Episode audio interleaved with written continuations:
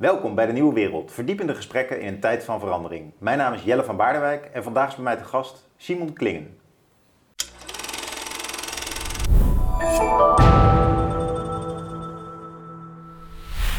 Simon, welkom hier in Leiden. Uit de bossen van Doorn. Ja. Jij bent een bosschrijver, een bosexpert. Een Ik- leven lang gewerkt als bosbeheerder. Ja. En we gaan het vandaag hebben ook over hout, bossen, bomen, Ja, klimaatdiscussie. ja zeker. En eh, hopelijk ook een paar kleine parallelletjes trekken met hoe wij überhaupt naar beleid kijken voor dat soort grote vraagstukken. En daar zie ik toch ook wel een mogelijke vergelijking met het coronabeleid. Eh zover was ik nog niet gekomen, maar ik laat het me graag vertellen. Ja. Lijkt me prima, ja. Leuk. Eh, maar voordat we da- daarop verder gaan, nog even naar de kijker. Want wij hebben van de week ontdekt dat er enorm veel meer mensen zijn geweest die ons hebben gesteund via een bepaalde betaal-app. Eh, in totaal 5.500 mensen voor de eindejaarsactie. En dat is geweldig, eh, fantastisch. Worden schieten tekort hier, want wij kunnen daardoor eh, nog veel meer investeren in de techniek en de mensen dan wij al dachten. Dus we willen jullie daar nogmaals voor bedanken. Want we hebben natuurlijk ook wel een maand lang gevraagd om, om ons te steunen voor die eindejaarsactie. En nou, het is gelukt. Dus ja, alle waardering voor jullie, de kijkers. Simon, we gaan naar bomen. Jij hebt twee boeken, of eigenlijk... Je hebt ook een website waar deze boeken ook op staan. Maar als je ze Ja. drukt, dan zijn het toch twee boekjes. Ja, het zijn twee boekjes. En er zijn, hele leuke, er zijn hele leuke boekjes. eh, en een van de manieren waarop jij schrijft is het ontmaskeren van mythes. Of het bekritiseren van eh, nou ja, veel bestaande misverstanden, clichés over hoe een bos in elkaar steekt. Ja. Ja, En ik dacht, we gaan er dus gewoon een heleboel bespreken. lijkt me goed. En eh, de mensen die kunnen dat dan verder ook nalezen op jouw, op jouw site. Ehm Ja. Bossen en klimaat.nl, heb ik dat goed onthouden? Dat kan, Bos en Klimaat. Boslessen is ook een, eh, een plek waar eh Ja. een en ander staat. En eh, mijn achternaam is Klingen en Klingen Bomen is mijn bedrijf. En nou ja, als je Simon Klingen toetst, intoetst en iets met bos, dan kom je al snel. hè. Het is wel grappig als je, een tijdje geleden was het zo, als je bosles intoetst, dan vraagt meneer Google of je boxles bedoelt. Nee, ik bedoel echt bosles. Ja. En het is natuurlijk toch wel een nieuw begrip, bosles. Ja. Ja, bos, een bos is waarschijnlijk niet zo populair om op te googlen als eh boxles. Hoewel, Kennelijk. in het weekend gaan mensen toch wel wandelen. Ja, ja, Hè? ja. Nou, ja. Jij hebt je hele leven lang in het bos gewerkt, Ja. heb je me verteld. Ja, ik was ooit bij de padvinderij, bij de scouts, heet dat tegenwoordig natuurlijk. En daar is het eh, wel aardig, eh, daar is het ontstaan, dat gevoel voor ik wil in het bos werken. Ik heb nog even na, ik heb een, een hoge beroepsopleiding daarvoor gedaan, dat heet nu Lagerstein. En vroeger heette dat de Hogere Bosbouwschool. Mm. Nog even twee jaar Groningen rechten gedaan, maar toen kwam ik achter dat ik eh, toch te weinig zitvlees had. En ik ben teruggegaan naar mijn vak, het bosbeheer. Ehm, misschien eerst even gewoon om wat op tafel te leggen. Zo'n een, een, een bos in Nederland, kun je eens wat algemene eh, eigenschappen daarvan schetsen? Dus ik, ik ken bijvoorbeeld de Veluwe wel en eh, de Utrechtse Heuvelrug ook. Ja. Kun je eens wat typerende karakteristieken geven van hoe een bos er tegenwoordig uitziet? Vooral ook omdat we natuurlijk naar die mythes en misverstanden willen. Ja, ja. Nou, we hebben op dit moment 11 11% van de landsoppervlakte bestaat uit bos. En dat was, om maar meteen een mythe te nemen, dat was zeg maar 54, 40, 50 jaar geleden was dat nog maar 8% Dus de hoeveelheid bos is de afgelopen halve eeuw toegenomen in Nederland. Hebben we meteen al een mythe te pakken, want sommige mensen denken dat het bos, dat het alsmaar minder wordt. Dat zou ik ook denken. Daar ga je al. Daar ben je al een klant voor een van de, mis, eh, van de misverstanden. Het is toegenomen. En dat dat, eh, om, nu komen zo terug op je algemene vraag. Om, hoe werkt dat nou? Eh, twee, drie jaar geleden zo was er even een signaal dat er ontbossing in Nederland aan de orde was. En het was ook zo, dat, maar dat was wel een dipje op het totaal. Dat, dat, dat kunnen we de rest van het uur kunnen we daarmee vullen. Waarom dat zo was, is niet zo belangrijk. De grote lijn is, er komt geleidelijk aan steeds meer bos in Nederland. En bovendien zijn er allerlei ambities, ook mede door het klimaat ingegeven, om meer bos aan te leggen. Terug naar jouw, jouw eerste vraag. Grote lijnen. Eh 11% van Nederland, het grootste bosoppervlakte ligt natuurlijk op de Veluwe, wat jij ook eh, noemde en herkenbaar is. Er ligt ook bos in Drenthe. Drenthe zijn nogal wat boswachterijen. Maar ook in Brabant is nogal wat bos. Maar het grootste stuk is de Veluwe. Ik woon zelf en ik ben opgegroeid in de, op de Utrechtse Heuvelrug. Daar heb ik ook altijd gewerkt. Zou we zeggen, een klein stukje Veluwe is dat. Vergelijkbare zandgrond. En we hebben geleidelijk aan de afgelopen periode steeds meer bos aangelegd op de kleigronden van de polders. In de polders is behoorlijk wat bos gekomen, in de Flevopolders. Dat is een belangrijk onderscheid, want het bos op de rijke gronden, op de vochtige kleigronden, groeit heel anders, groeien andere boomsoorten dan op de Tweede zand. Ik herinner me een, een, een, vrouw die een keer zei van ja, in de polder en bij ons in Amsterdamse bos en zo, dat is allemaal prachtig, maar voor mij is dat pas echt bos als ik op de Veluwe ben. Nou, hoe komt dat dan? Daar ruik ik hars. Want de naaldbomen, ja, ja. de geur van de naaldbomen, dat was voor deze dame was dat pas een echte beleving voor het bos. Maar is dat dan eigenlijk wel de goede plek om een bos te bouwen? Om even een analogie te maken. Men zegt wel van de Randstad, dat zeker Amsterdam ligt eigenlijk niet op de goede plek voor een stad. Is het met, is het met bomen eigenlijk misschien ook zo in Nederland? Dat de Veluwe niet de ideale plek is om te bouwen? Vanwege die grond? Of, of is, dat, of is dat te simpel gezegd? Ja, nou ja, wat heet ideaal? Ik ben meer van het type, ik ga uit van datgene wat er is. En wat je eigenlijk zou willen, daar kunnen we het daarna over hebben. Maar het gegeven is dat we in Nederland de bossen, even los van de Flevopolder, dat is een nieuw initiatief natuurlijk van de afgelopen halve eeuw, de bossen van ouds op de zandgronden hebben leggen. En hoe kwam dat nou? Die zandgronden waren te arm voor landbouw. Nou ja. En daar hebben we bomen geplant. Want uh, landbouw was daar niet te rendabel en dus zetten we daar maar bomen neer. Dus als we daar wel vruchtbare grond hadden gehad, dan hadden we misschien nog veel minder bos gehad nu. Zeker, zeker. Dat zijn echt, oh. God. Ja, het bos is eigenlijk een soort sluitpost eh, geweest. En dat kwam omdat er in die periode, 100 jaar, 150 jaar geleden, bij die arme gronden, dat waren geen weilanden, maar dat waren heidevelden. Hele arme grond. Hmm. En die arme grond was dus niet eh, echt voor landbouw geschikt. Drenthe is wat dat betreft wel een mooi voorbeeld. Als je toch ook iets over, die, over de, de bosgeschiedenis uh, zou willen zeggen, willen weten. Uh, ik, in dat boekje uh, 12 bossen staat een kaartje van Drenthe van 100 jaar geleden, 100, 120 jaar geleden, 150 jaar geleden. Bestaat de provincie Drenthe voor 90%, 95% uit heidevelden. Hm. Manchu, 95% van de hele provincie alleen maar heidevelden. En dat was niet het gevolg van al eh, een industriële aanpak van de grond daar? Dat, dat, nee, dat was oer, zeg maar. Die heidevelden, nee, dat was niet oer. Oer was, hè, in de zin van, je vraagt waarschijnlijk, wat, wat was er oorspronkelijk? Ja, wat was oorspronkelijk, ja? Oorspronkelijk was er bos. Dat wel. En hoe lang is dat geleden? Uh, in Drenthe, hè? In Drenthe tussen de 2 en de 6000 jaar. Oh. Wanneer ja. mensen ergens komen, en dat zijn processen die je nu nog in ontwikkelingslanden, ik weet niet meer, ik weet niet of je nog steeds zo mag noemen, die landen, maar overal waar mensen komen verdwijnt het bos. Hm. Klinkt dramatisch, hè? Ja, maar het stabiliseert dus wel rond 11% als ik het begrijp. Nee, ja, nee, nee, nee, wacht Jij wilde even een paar duizend jaar terug. En het oer. Oer was er bos. Mensen komen daar en geleidelijk aan verdwijnt het bos. Dat komt door twee dingen. twee fenomenen. Mensen kappen het bos omdat ze moeten stoken en een beetje moeten bouwen. Mhm, logisch. Maar die, dat bos zou zich, zou zich prima kunnen herstellen. Want er vallen allerlei boszaden, bomen kunnen gaan groeien. Als je een loofboom afzaagt, dan komt die uit de stronk weer opgroeien. Dus het bos zou zich uitstekend kunnen herstellen. Maar die mensen die zich daar vestigden in het bos, hadden ook huisdieren. Schapen, geiten, runderen. En die lieten zich grazen in de directe omgeving. En dat belemmerde het herstel van dat bos, dat natuurlijk herstel. Het bos heeft de neiging om zich te herstellen, maar als daar gazen rondlopen, dan lukt dat niet. Dus het is de landbouwrevolutie die het probleem is? En daardoor zijn die heidevelden ontstaan. Ja. Toen kwam rond uh, eh, 1900 of iets daarvoor, uh, kwam de kunstmest. En toen waren die heidevelden niet meer nodig. En toen die heidevelden daar onbruikt, eh, onbruikbaar en, en zonder Want die heidevelden werden gebruikt als, als, als natuurlijke mest? Als, graaf, als graasplek voor het vee. Als graasplek voor het vee. Hm.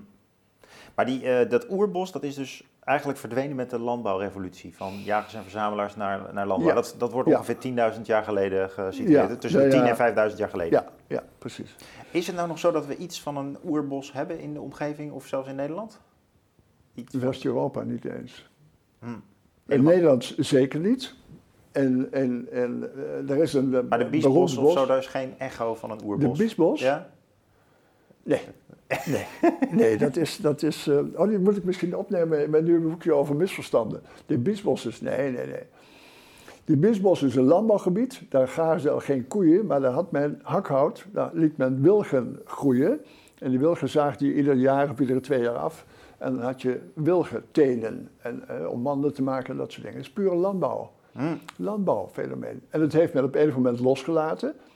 Die wilgen zijn door gaan groeien. Het is nu gewoon één wilden, wildernis, om het zo te zeggen. En bij jou, stadsmens, als ik jou zo mag noemen, ja. uh, is het idee dat het hier om wildernis, om oernatuur gaat. Ja. Het is gewoon een...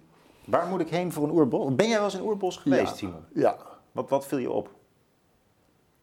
Lijkt me een nou, authentieke ervaring. ja, even, dat doen we even twee stappen. Wat viel je op? Dat, dat, ik ben in een oerbos geweest. Ik had het idee in een oerbos te zijn, om in, in, in, in Oostpolen ligt een groot bosgebied. Op de grens met Wit-Rusland. 10.000 hectare. 100.000 hectare. De helft ligt in Wit-Rusland, de helft ligt in Polen. En van die 50.000 hectare in Polen is 5.000 hectare oerbos. Daar ben ik twee keer geweest. Maar achteraf moet ik zeggen, dat is uiteindelijk toch niet het echte oerbos. Dat is, gaat erg ver om daar nu ver over te praten, maar daar, is, daar staan hele dikke vette eiken in en die zouden nooit geweest zijn als de mens zich niet ooit met het bos bemoeid had. Dus dat is een prachtig bos, heel interessant, ontzettend uh, biodivers, heel erg rijk.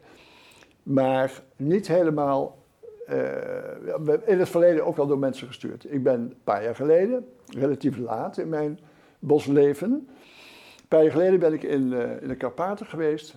En dat was een bos, ontstond, bestaat volledig uit beuken. Karpaten, sorry, waar ligt dat? Ja, Roemenië. En daar is een bos met, waar nog nooit iemand in gezaagd heeft. Dat is een oerbos. Hm, hm. En het aardige is, Jelle, dat dat bos, dat ligt op een grond, op een relatief arme grond, zure zandgrond. Een beetje vergelijkbaar met de Veluwe. Oh, dus dat, ja, dat... maakt het natuurlijk interessant om die vergelijking te treffen. Ehm, en uh, dat bos bestaat volledig uit beuken, alleen maar beuk. Oh, saai. Eén ja, ik vind het buitengewoon boeiend. Want ik heb daar drie dagen lang met, uh, met uh, twee mensen rondgelopen. Hmm. Kijk je ogen uit. Tenminste, ik, ja, wat boeiend. Maar je vergelijkt, één boomsoort is kaal van onder, want onder een beukenbos groeit niks. Wat dat is een oerbos. Ja. Het eerste, dat beschrijf je ook mooi in je boekje. Uh, wat je zelf zegt, is ja, het is dus eigenlijk heel, het lijkt heel erg op monocultuur. Als je er niet veel verstand van hebt.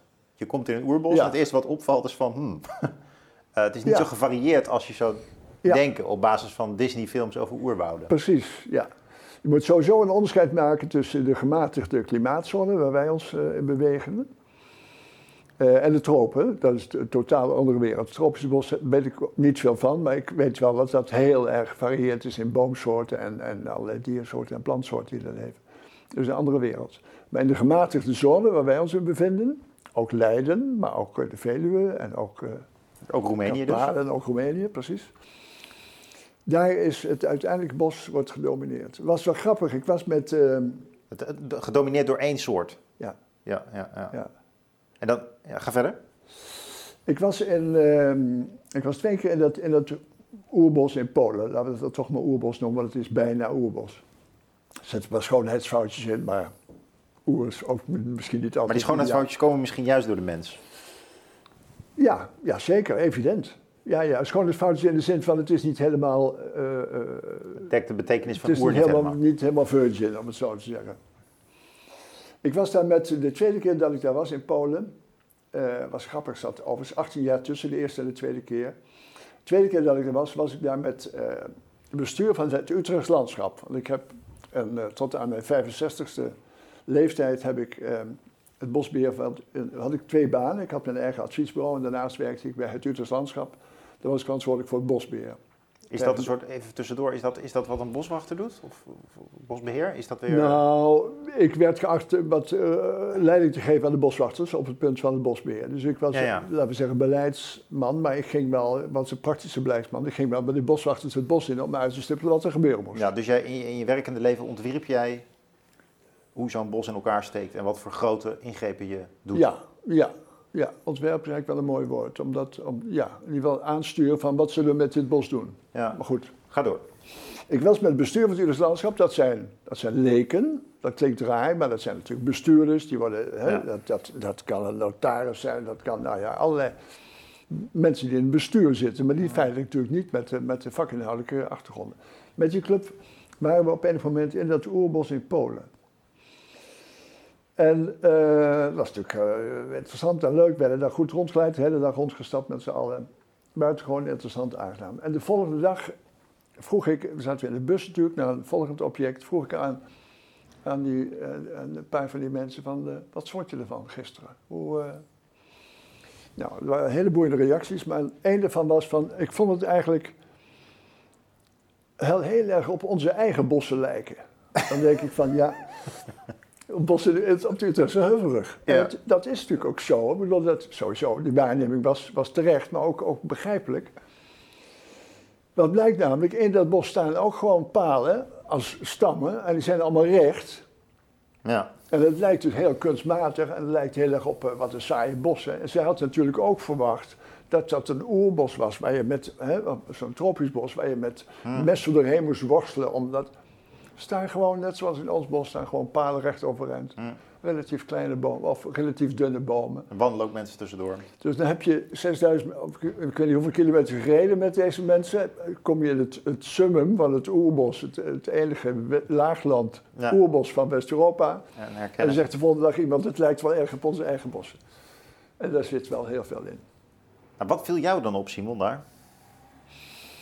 Wat, Het grappige is, ik was daar twee keer. Daar zat 18 jaar tussen.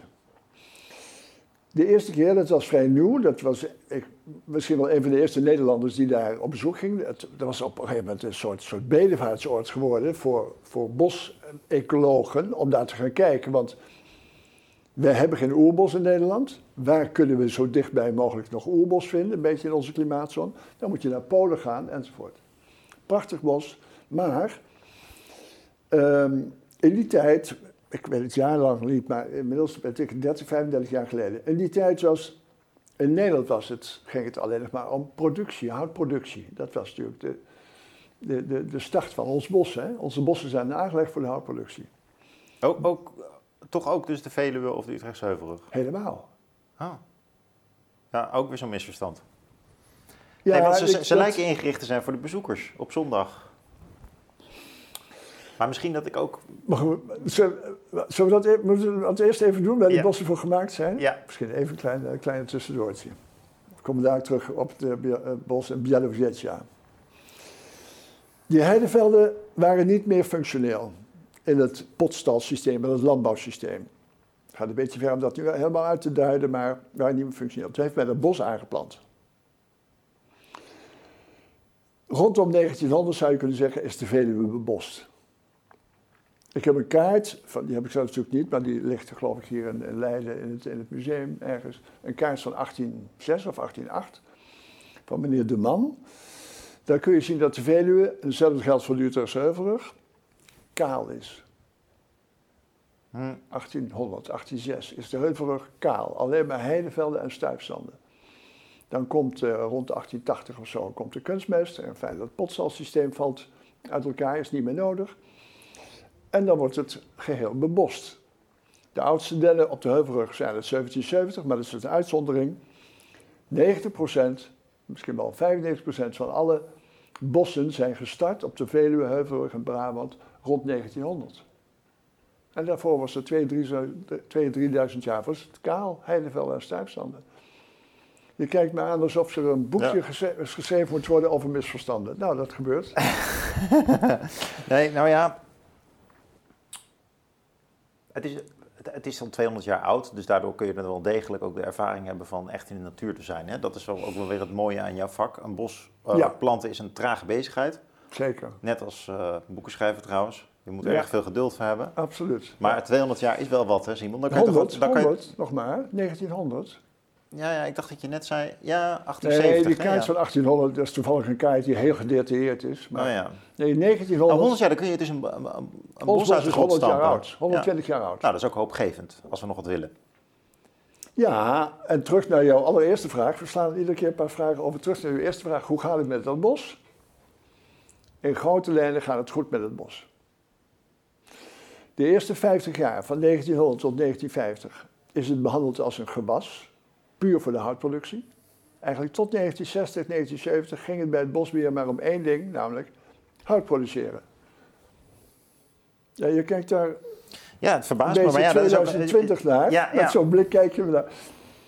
Tot 1970 ging het maar om één ding. Toen ik op school zat, eh, bosbouwschool, was houtproductie was gewoon het, het hoofdvak. Er werd ook nog een beetje over ecologie gesproken, maar dat ging gewoon zo. En toen kwam rond die tijd, 1970, 1980, kwam die recreatie op. Hè? De, de, de, de picknickbanken en de Is dat dan wandelroutes. pas toen opgekomen, ja? Ja, Goh. Ja, het, als je over bos praat, dan, moet je, dan, dan praat je meteen over geschiedenis. En terecht zegt zij die vraag van hoe staat het ermee, dan moet je meteen ook vrij terugkijken. Ja. We hebben een relatief jong bos in Nederland. Maar we zijn Nog dus al wel eigenlijk jouw hele carrière al aan het bouwen voor bezoekers die op zondag daar komen uitwaaien. Ja, en het versterken van de natuurwaarde van het bos. En hoe druk je dat uit, de natuurwaarde van het bos? Wat is dat? Mooie begrip biodiversiteit. Je wil een je- gevarieerd landschap waar... Een gevarieerd landschap waarin een gevarieerde soortenrijk, een grote soortenrijkdom is van planten en dieren. Die Ja. hebben allerlei interacties natuurlijk. ja, viel me op in je boek dat je daar niet altijd positief over bent. Dus dat, dat, bijvoorbeeld het wild in de Utrecht, op de Utrechtse heuvelrug Ah, eh, vre- vreet de onderkant van het bos kaal. Waardoor je toch tot de stelling komt van ja, moet daar niet een betere balans in komen? Als ik het goed begrijp zijn er nog geen 2000 eh, herten. Het zijn er maar heel weinig, maar blijkbaar drukken ze hun stempel op het bos. Ja, ja. Dus je hebt daar ook nog verschillende belangen. Die, wil je meer dieren, dan krijg je een ander bos. Ja, luister. Dat is grappig dat we nu toch weer... We gaan letterlijk van de hak op de tak, maar volgens mij mag Nou ja, dat in dit vakgebied, mag dat. We doen Van eerst de hak op de tak, we volgen niet de lineaire orde van je boek, eh, Simon, dat is waar. Nee, maar dat is verder niet, niet, niet het probleem. Laten we kijken. Ehm, die biodiversiteit... Nou, even terug. Dat bos is rond 1900 aangelegd. Tot 1960, 1970 ging het maar om één ding. Die boseigenaren, staatsbosbeheer, maar ook particulieren. Ook natuur, Utrechts landschap, natuurmonumenten. Hadden maar één ding waar ze op richten, namelijk houtproductie. Het oogsten van hout uit het bos. Toen kwamen er in de 60, 70, 80, nou, 70 en 80 jaren kwamen er twee nieuwe doelen voor het Vaderlandse bos kwamen erop zetten. Het ene was natuurbescherming, biodiversiteit. Vroeger hadden we namelijk alleen maar in de heidevelden en in de venden en dat soort plekken hadden we natuurbeschermers actief. En de bossen waren een beetje ondergeschikt, dat was voor de houtproductie. Nee, zeiden toen een aantal mensen. Die hebben een, een, kritisch bosbeheer, die hebben een hele belangrijke beweging op gang gebracht. Dat, was echt, daar is, dat is echt een Jaren 70 hebben we het over nu. jaren 70, 1975. Toen jij dus natuurbeschermingsjaar, Precies. En toen kwam het, het kwam in beeld het belang om in die bossen ook natuurkwaliteit te ontwikkelen. En dan moet je dus denken aan allerlei vogels, planten, dieren, schimmels, paddenstoelen, alles. Het hele wereld aan andere dingen dan alleen maar bomen en struiken. Hm. Voorbeeld daarvan is het dode hout. Als je dood hout in het bos hebt, staande dode bomen, wat liggende dode bomen, dan zitten daar zoveel insecten, er zit zoveel leven in. En dat geeft dan ook weer veel leven voor vogels die die insecten weer eten. Dat dode hout is een, een evident onderdeel als je dat bos als een ecosysteem ziet. Hm. Dat was tot 1970 was er geen dood hout in het bos, want iedere boom die doodging of iedere boom die opviel, werd geoogst en werd in de kachel gestopt. Ja, nu Toen als ik inderdaad aan het bos denk, dan zie ik ook wel eh, wat ruïnes, om maar zo te zeggen. Wat ruïnes. Ja, Ja, natuurlijke ruïnes. ja natuurlijke ruïnes. Dat is een mooie, mooie term, ja. En die, ehm, is het nou zo dat Nederland, als ze dat in 1970 meer gaan aanpakken en dat op de agenda komt, eh, meegaat met een internationale trend? Of als je naar Engeland of Duitsland en Frankrijk, België kijkt, dat zij al meer bezig waren met het cultiveren van hun bossen eh, voorbij houtproductie? Of liepen we gewoon gepast mee in de trend toen? Nee, we liepen niet mee in de trend, we liepen voorop. Oh? Echt waar? Helemaal. Terwijl als ik aan mooie bossen denk, dan denk ik toch juist eerder aan Duitsland en Frankrijk, gek genoeg. Dat is misschien ook weer een eh, stadsmisverstand. Ja, ja, er zijn natuurlijk hele mooie bossen in, in onze omringende landen te vinden. Maar het idee dat je de natuurkwaliteit en natuuraspecten integreert in het bosbeheer, daar loopt Nederland op Europese schaal zeker voorop. Ook nu Lief nog. voorop. Ook nu nog. Ja, of een, eh, Ja, ja, ja, dat kun je wel zeggen. Moet ja. je even de, de, de beelden voor de geest halen van de Ardennen, die fijnsparrenbossen daar. Of Duitsland, het, het Zwarte Woud. Die hebben nu, nu er grote problemen zijn met fijnsparren, hebben ze enorme kapvlaktes daar liggen. Omdat die fijnsparren doodgaan, dat is een klimaatprobleem. En, en ze hebben daar, dat zijn immense grote aangelegde, aangeplante monocultures. Dat hebben wij in Nederland niet. Nou, maar dat vind ik nog een soort gra- grappige spanning, want in een oerbos dan, hè, da- daar Ja. zie je ook wel veel vergelijkbare bomen. Dus die zijn daarmee ook eh, ontvankelijk voor, of ontvankelijk eh, kwetsbaar, zeg maar. Als er een schimmel komt of klimaatverandering intreedt, Ja, dan kan zo'n bos in één keer kan een heel deel omvallen. zou kunnen. Dus je Ja. wil eigenlijk een gevarieerd landschap. Maar dat kun je dus Ja. eigenlijk juist, eh, eh, juist een modern bos kan dus heel gevarieerd zijn. Terwijl er zo'n tussenvorm in België, dat is dan toch allemaal een beetje one of a kind, kennelijk. Ja, ja, dat is een interessant punt. Ehm, het natuurlijke bos daar in de Karpaten, daar in Roemenië, dat bestaat helemaal uit beuk.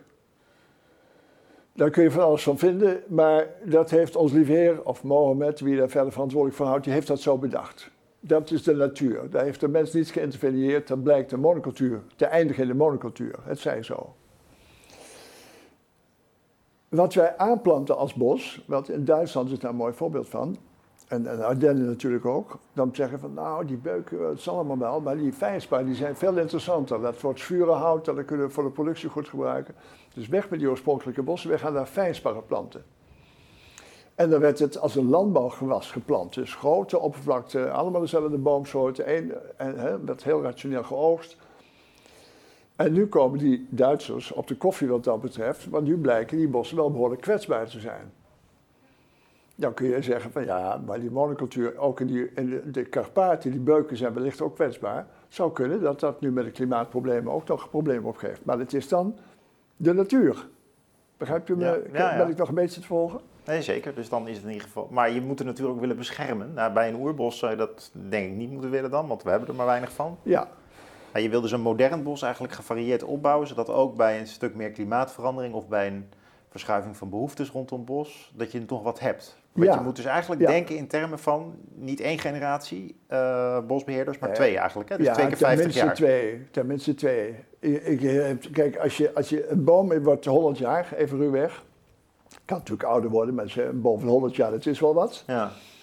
Nou, ik heb bijvoorbeeld als beheerder bij Utrecht Landschap heb ik gedurende 30, 35 jaar me daar een beetje mee kunnen bemoeien. Dus wat er daarvoor gebeurde, daar kan ik niks over zeggen. Wat er daarna gebeurt, kan ik niks over zeggen. Daar moet ik wel iets aan doen. Maar snap Ja. je? Dus je bent dat je, je, je rol als bosbeheerder is sowieso een bescheiden rol. En wat zijn, wat, wat zijn nou in de rol? Want je hebt duidelijke vooruitgang geboekt als, als generatie ten opzichte van wat ervoor gebeurde. Want er waren niet echt bosbeheerders. Dus Ja. jullie hebben daarmee eigenlijk carte blanche gekregen. Binnen de verhoudingen die er dan lagen, konden jullie toch echt iets op de Ja, kaart gaan zetten. Ja. Ja, we hebben ruimte gekregen om die natuurkwaliteit Ja. en de schoonheid En van daar het ben je bos. tevreden over of trots op. En maar wat, als je nou terugkijkt van wat, welke dingen zijn nou blijven liggen?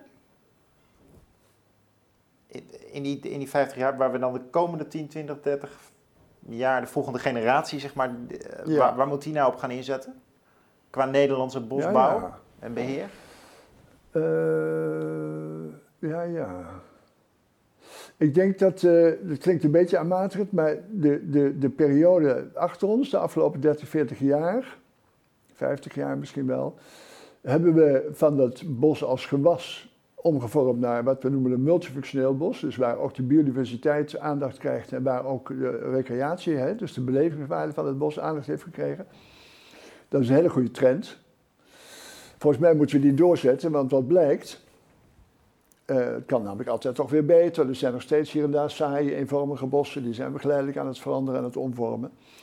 Maar wat blijkt, wat wij de afgelopen 50 jaar gedaan hebben op grond van de maatschappelijke wens om meer natuur in het bos te krijgen en op grond van de maatschappelijke wens om dat bos als recreatieruimte goed te laten functioneren. Wat blijkt, die beweging die leidde tot een meer gevarieerd bos, doodhout in het bos, variatie van boomsoorten, bosstructuur enzovoort. Een meer gevarieerd bos. relatief kleinschalig van de opbouw, vergeleken bij Duitsland of de bossen in Engeland. Of... Wat blijkt, dat blijkt ook een heel goed antwoord te zijn op de onzekerheden die de klimaatverandering met zich meebrengt. Ja, ja, omdat die bomen dus verschillend eh, reageren op een ander klimaat. Precies. Sommige kunnen er beter tegen Ja. andere. Dus eigenlijk hebben jullie het wel goed gedaan. En moet het gewoon gecontinueerd worden, dat beleid. Dat denk ik, ja. Ja, dan komen we even op die herten. Want jij dacht even dat meer herten, dat Nee. ga ik nu ook nog even als een van de misverstanden in het nieuwe boekje opnemen. Jij denkt dat meer herten meer natuur geeft. Nee, nee, nee, helemaal niet. In je boek beschrijf je juist volgens mij heel duidelijk Oh, ja. dat die herten de onderkant van bomen leegvreten. Ja, Hè, waardoor je een eentoniger bos krijgt. precies. Dus jij Ja. bent eigenlijk tegen die dieren op de, of in ieder geval Ja. voor veel minder. Dat, Eh, precies, ik ben zeker niet tegen die dieren. nee, het is een sowieso. dilemma. Het is een dilemma. Het heeft allebei waarde, maar nu zijn het te veel. Ja, zo is het. Ja, nee, je moet de grazers in het bos, hè. Eh, De reeën en de grote reeën, eh, dat zijn dan de herten, want de meeste mensen hebben, noemen reeën ook wel herten. Die grazers in het bos die hebben, hebben natuurlijk een functie in het geheel, die horen daar. Maar als er heel veel komen, als er niet op gejaagd wordt, gelukkig zijn er nu ook wat wolven die dat, eh, die aantallen mogelijk een beetje decimeren. Maar als er te veel van komen, en er zijn hele duidelijke voorbeelden van, dan vreten ze de onderkant van het bos helemaal leeg. Ja, terwijl Dus er zijn er helemaal niet veel. Dat vind ik het gekke aan wat je Zijn zegt. er niet veel? Een paar duizend, toch? Ja, Ja, dat is al genoeg eigenlijk. genoeg om dat helemaal elkaar te eten. Ja. Nee, maar ik zeg niet veel, omdat ik bedoel, je moet wel eh, twintig keer naar het bos voordat je een keer een ree ziet in Nederland. En dan moet je nog geluk hebben. Ja, Dus maar het- ik kan jouw bos laten zien. Ook, eh, dat boekje staat een mooi voorbeeld van op de Hoge Veluwe. Daar lopen ook heel veel edelherten. En als je daar een, een, een eh, stukje afrastert, een gaas om een stukje bos neerzet, en je komt daar tien eh, jaar later, staat er een volledig bos met een heleboel loofbomen erin, met struiken erin, super gevarieerd. In je bos Dat- suggereer je dat als jij mensen op bezoek krijgt uit die contraien, Ja. dus in eh, de omgeving Doorn, de Utrechtse Heuvelrug, Ja, dat zij dan denken van, goh, wat leuk, al die bossen Precies. hier. En, Precies. terwijl, Ja. dat, dat komt eigenlijk alleen maar door het verschil van die niet aanwezige helemaal. herten. helemaal. Ja, dus als helemaal. mensen dat terug willen zien, dan moet je dat vergelijken eigenlijk. Als je, Bij Doorn het bos in of bij Of op- Put het bos in? Precies, precies. Als je bij Putten het bos in gaat, dan is die ondergroei is kaal. Dus daar zitten, daar zitten heel weinig struiken onder, heel weinig jonge boompjes onder, heel weinig planten onder. Ja. Inderdaad, eh, mensen die, eh, als ik cursus geef van mensen uit Drenthe, maar vooral ook van de Veluwe, Ja. hè, mensen van Staatsbosbeheer van de Veluwe, die bij mij op de Utrechtse Heuvelrug op cursus komen, die kijken hun ogen uit naar wat er allemaal aan ondergroei mogelijk is in het bos. Precies. Wat zijn nou plekken waar we in Nederland eh, logischerwijs meer bos zouden kunnen gaan aanplanten? Stel dat we dat zouden willen. Wat zijn daar nou logische gebieden voor? Ook misschien vanuit het oogpunt van die variëteit. Dat je niet, dat je weer wat anders erbij krijgt. Welke variëteit bedoel je dan nu? Nou, biodiversiteit. Die, die diversiteit Ja, ja. aan bomen. Ja. Ehm, Kijk, een kleine toelichting. Je ziet nu in de duurzaamheidsdiscussie toch wel, ja, de, eh, het boeren zal echt gaan afnemen. De, de overheid zal er wel op inzetten. De Ja. verwachtingen van bossen zijn, zoals je terecht schetst, wat hoog. Hè? Dat we denken dat ze CO2-problemen gaan oplossen. Kan je misschien zo nog even eh, kort toelichten waarom dat hoge verwachtingen zijn. Maar ik denk dat de ontwikkeling wel is dat we meer natuur willen. Nog meer dan die 11%. Wat, Ja. is, wat is dan een gebied waar dat zou kunnen? Waar- Dat is natuurlijk een vraag waar ook, eh, waar ook eh, landschapsarchitecten en, en stedenbouwers en, en mensen die over de ruimtelijke ordening eh, bezig gaan, waaronder eh Berno Strootman als, als Rijksadviseur voor de leefomgeving, die heeft zich daar ook eh, met wat companen over uitgesproken. Als we meer bos willen, waar moet het dan komen? Het meest logische is om dat in de buurt van de grote steden te doen. Hm. Want mensen willen heel graag naar het bos, mensen houden van bos. En dan is het aardig om natuurlijk dat in de buurt van waar, die mensen, waar veel mensen wonen, zodat ze niet veel hoeven te reizen om naar het bos te komen. Die gedachte is niet nieuw, want we hadden eh, in de beleidssferen, niet we, want daar ben ik niet zo erg van, maar in de beleidssferen werd gesproken over de Randstad groenstructuur. Dus bossen aanleggen in de Randstad. Kan natuurlijk heel goed. Die grond is rijk. hè, Die, dat, dat, die grond is veel net zoals in de polder, dat zijn kleigronden waar het bos relatief snel groeit. Als je op de Veluwe, op de arme Brabantse zandgronden bos gaat aanplanten, duurt het langer voordat je bos hebt. Dus wat dat betreft is dat gunstig. Maar daar liggen natuurlijk, los van de landbouw, liggen daar natuurlijk ook allerlei woningsbouwclaims. Dus dat zijn natuurlijk wel, Ja, lastige dingen. ruimtelijk zijn het hele lastige zaken. Dus, Ja. maar, dus uit maatschappelijk oogpunt is bos aanleggen in de buurt van steden ligt het meest voor de hand. Hm, hm, hm. Nou, klinkt inderdaad logisch nu je het zo zegt. Ehm, een paar dingen die ik nog met je wil bespreken. Kun je nog toelichten waarom we wellicht te hoge verwachtingen hebben van wat bos kan betekenen in de klimaattransitie? Jij zegt, in het boek noem je heel erg het idee van, ja, het neemt CO2 op het bos, maar hoeveel eigenlijk? Te weinig om nou serieus te zeggen dat een multifunctioneel bos daar echt een verschil in kan nemen, maken. Ja, nou ja, ik heb uh, vrienden in Wageningen die natuurlijk goed zijn in dat rekenwerk. En het blijkt dat als van de CO2-uitstoot, de, de, de CO2-productie die wij als consumptiemaatschappij hier voortbrengen, hè, auto's, industrie enzovoort. Daar hebben we te veel van, dat mag inmiddels duidelijk zijn. Als we daar 10% van onze huidige nationale uitstoot zouden verminderen, klinkt niet heel idioot. Hè? Ik kan niet zeggen halveren, dit is heel ruig, maar 10% minder uitstoten. Dat klinkt niet als een, als een utopie, hè? dat zou haalbaar moeten zijn. De klimaatwinst die je daarmee haalt, als je dat 10% verminderen, de klimaatwinst die je daarmee haalt, is vergelijkbaar met half Nederland volplanten met bos. Ja, god, dus dat gaat niet gebeuren. Dat gaat niet gebeuren. Nee. Dus, en mensen willen bos aanleggen. Er zijn hele goede redenen om bos aan te leggen. Hele goede reden. We hebben nu de lol dat er 50 jaar geleden door allerlei mensen bos is aangelegd, hè, van 8 naar 11 procent. Je hebt een halve eeuw nodig om een bos een beetje smoel te geven en een beetje te laten functioneren voor wandelaars en zo. 30 jaar op de klei en 50 jaar op het zand. Dus dat is heel goed om bos uit te breiden, maar denk nou niet dat je daarmee structureel het klimaatprobleem. Natuurlijk alle, alle beetjes helpen, allemaal hartstikke goed. Maar wil je echt wat doen aan de CO2-problematiek, ja. dan moet de consumptie naar beneden. Ja, of andere manieren van uh, CO2-verwerking bedenken. Oké, okay, allerlei andere manieren. Maar uh, is... ik noem dat bos ook, die bosaanplant ook wel een beetje het excuusbos. Hè? Er zijn mensen die vliegen naar Bali een weekendje. Ja, en die planten dan een boom. En die zeggen dan van, ik stort nog even 30 euro voor het planten van de boom. En daarmee denken ze dat ze hun uh, impact op het klimaat uh, gecompenseerd hebben. Excuusbos. Nee, zo gaat niet werken. Nou, ja, jammer eigenlijk. Het zou toch mooi zijn als je met bos veel meer kunt compenseren? Ja, ja. maar ja, de realiteit is uh, dat dat toch heel beperkt is. Je zei al even van, ik verkeer eigenlijk niet in beleidskringen. En je suggereert ook al dat eigenlijk de afgelopen decennia goed bosbeheer is geweest. Ja. Er zijn er wel andere maatschappelijke domeinen, bijvoorbeeld de corona-aanpak. Daar zie je juist heel technocratisch een paar experts die over heel het coronabeleid beslissen. Ja. Maar als ik jou goed begrijp en jouw boekjes ook lees, heb ik het idee dat bosbeheer in Nederland wel redelijk um, gebeurt vanuit de vakmensen die er verstand van hebben, in samenspraak met de omgeving. Een soort gevoel voor de verschillende belangen. Ik krijg eigenlijk wel een positief beeld van. Klopt dat nou?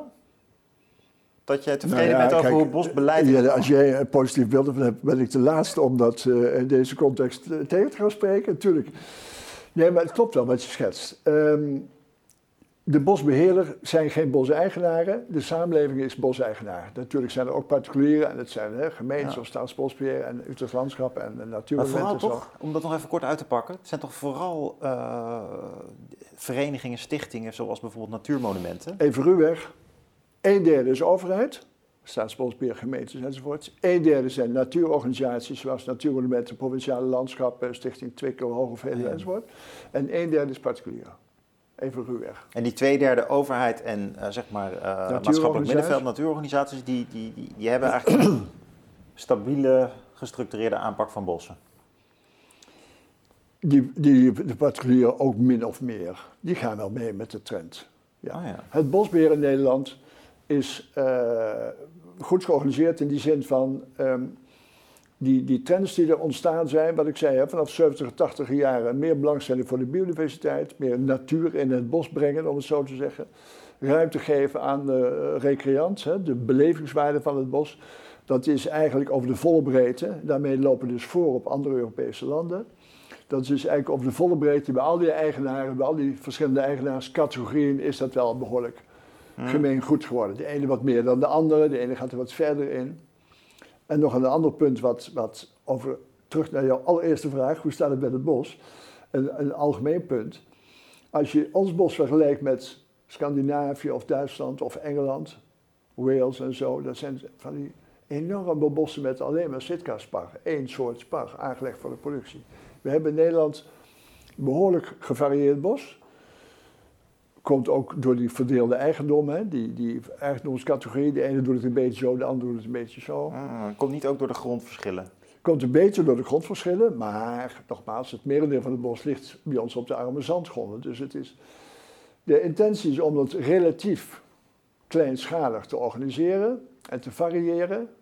En die drie functies, hè, die houtproductie in de natuur en die recreatiefunctie, om die te integreren, dat is, dat is gemeengoed. En dat maakt het bos in Nederland behoorlijk succesvol. Hm. Ik kan allerlei...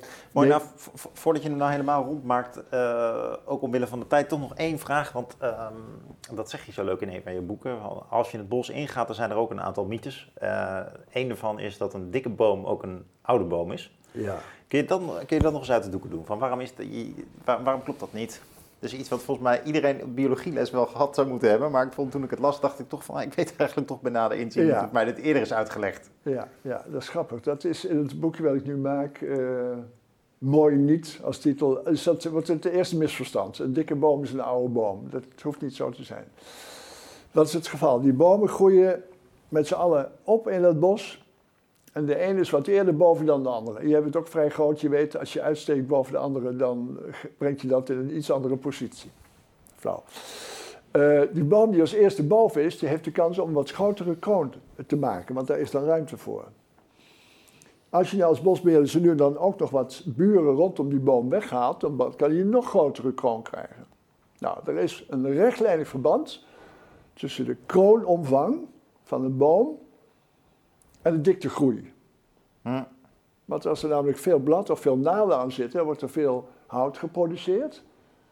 Dat zijn die bomen, is feitelijk onderdeel van een houtfabriek. Hè. Die zijn hout, houten tafel. Hè. Hier zijn, voor deze tafel zijn een paar eikenbomen geveld. Die kroon die wordt groter, dan wordt die stam dikker. Er kan een buurman naast staan die niet ruimte krijgt. Die moet het met een klein kroontje doen. Die heeft dus veel smallere jaarringen en die wordt maar heel langzaam dikker. Nou ja. Dat is het, eh, Dus het gaat verschil. meer om de dichtheid van het bos. Dus een dicht bos kan best oud zijn. In het oerbos, in het oerbos staan over het algemeen niet van die hele dikke bomen, omdat ze namelijk allemaal zo dicht bij elkaar staan. Nou ja. Maar in het weiland, bij die particulieren en die mooie zichten als rondom dat, eh, of in het park bij jou, hè, in de stad, in het park staan hier en daar bomen met enorme kronen. En die hebben dus hele dikke stammen. En die dikke stammen hebben ze omdat ze brede jaringen hebben. En die brede jaringen hebben ze omdat ze grote kronen hebben. Dus zo kun je enorm... En die grote kroon hebben ze omdat er geen buurbomen zijn. Precies, of ze zijn weggehaald. Nou, Dus een dikke boom is niet altijd een oude boom. Simon, geweldig dat je hier kwam vertellen. Uit de bossen van Doren, zei ik al even, kwam jij. ehm, om hier te vertellen over die eh, misverstanden. En eh, gewoon meer uit te leggen over hoe het bos hier in elkaar zit. Het bosbeleid. Leuk om over eh, te leren. Als de mensen daar meer over willen lezen, dan eh, kunnen ze naar je website. Hè? Zeker. En eh, daar staan deze twee boekjes En een gewoon op. Maar je kunt ze ook kopen. En Ja. dan eh, kun, kun je ze bij wijze van spreken meenemen naar het bos. Want dat zijn allemaal korte lemma's waar je dus eh, hierover spreekt. Onder andere. Ja. Dus die wilde dieren, eh, dikte van bomen. wat doen bomen nou Ja. wel en niet met CO2. Ja. Maar wat we eigenlijk moesten doen, Jelle, is een dagje door het bos. Een bosles. Dat zou natuurlijk. Want we hebben nu een uur gepraat over bos en bomen. Dit, ik wou net zeggen, moet eigenlijk het bos in. Hè? dit, dit was onze bosles. Ja, ja oké, bosles. De ja. binnenbosles. Ja, de binnenbosles. Ja, ja. Hey, leuk dat je er was. Met plezier gedaan.